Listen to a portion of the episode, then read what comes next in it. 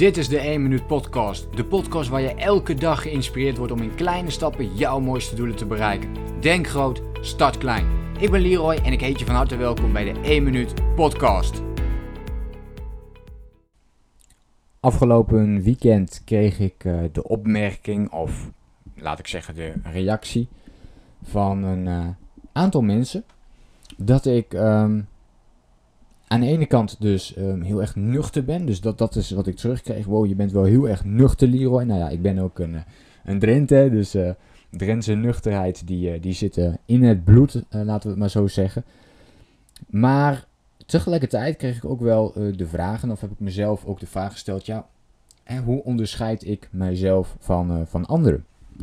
En wat zorgt ervoor um, dat ik daar onderscheidend in ben? Nou, nu denk ik dat ik dat het beste doe door uh, de 1 minuut actie natuurlijk. Maar ook door mensen te leren op disciplinegebied meer te doen. Dus ik ben ook min of meer een soort disciplinecoach. Dus andere mensen noemen zich vaak als business coach. Maar zo noemen zich dus heel veel mensen al. Um, en zo heb je nog wat van dit soort termen. Life coach bijvoorbeeld. En ik zit wat meer in het echte discipline stukje. Dus dat betekent dat ik mij al onderscheid van andere mensen door mij op die manier te positioneren.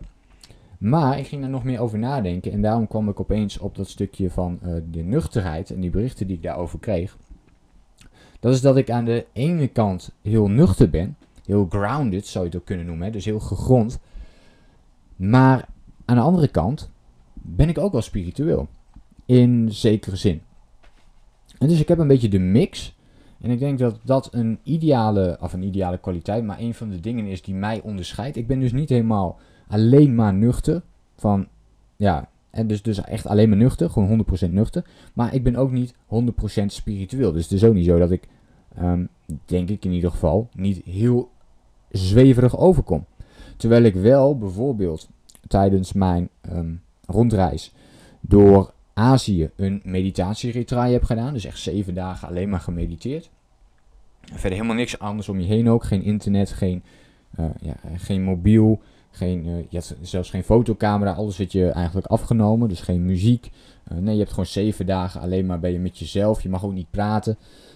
Uh, dus dus, dus je, je zit gewoon zeven dagen helemaal in stilte en je bent alleen maar bezig met, met mediteren.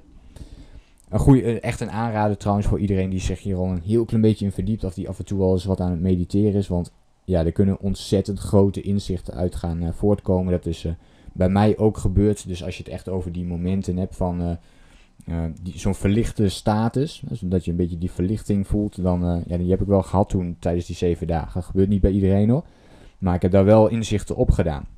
Maar kijk, als ik nu weer dit aan jou vertel, dan denk je misschien wel, oké, dit klinkt wel weer heel zweverig. En aan de ene kant uh, is dat natuurlijk ook zo en kan ik me dat heel goed voorstellen dat je dat denkt. En dat is ook, ja, als je dat niet hebt meegemaakt, dan, dan, dan, dan kijk je daar natuurlijk ook heel anders tegenaan. Maar los daarvan, ben ik ook weer heel nuchter. Het is niet zo dat ik zeg van ja, oké, ik heb nu misschien dat verlichte moment gehad, oh, maar nu is het allemaal halleluja. Nee, dat is het ook weer niet, want je moet het ook weer in de context gaan plaatsen van waar je natuurlijk in zit. En je ook realiseren dat niet, uh, dat, dat niet één uh, en niet per se de beste weg is. Of de enige weg. Dus er is altijd een, een mix tussen enerzijds doelen stellen, keihard werken, discipline, heel erg hard trainen, wilskracht, toewijding tonen. Dat stukje, dat spreekt mij ontzettend aan. Maar aan de andere kant ook weer op gevoel dingen doen. Dus luisteren naar je gevoel. Tot rust komen. Vanuit die rust um, acties ondernemen. En dat is weer meer die uh, spirituele kant.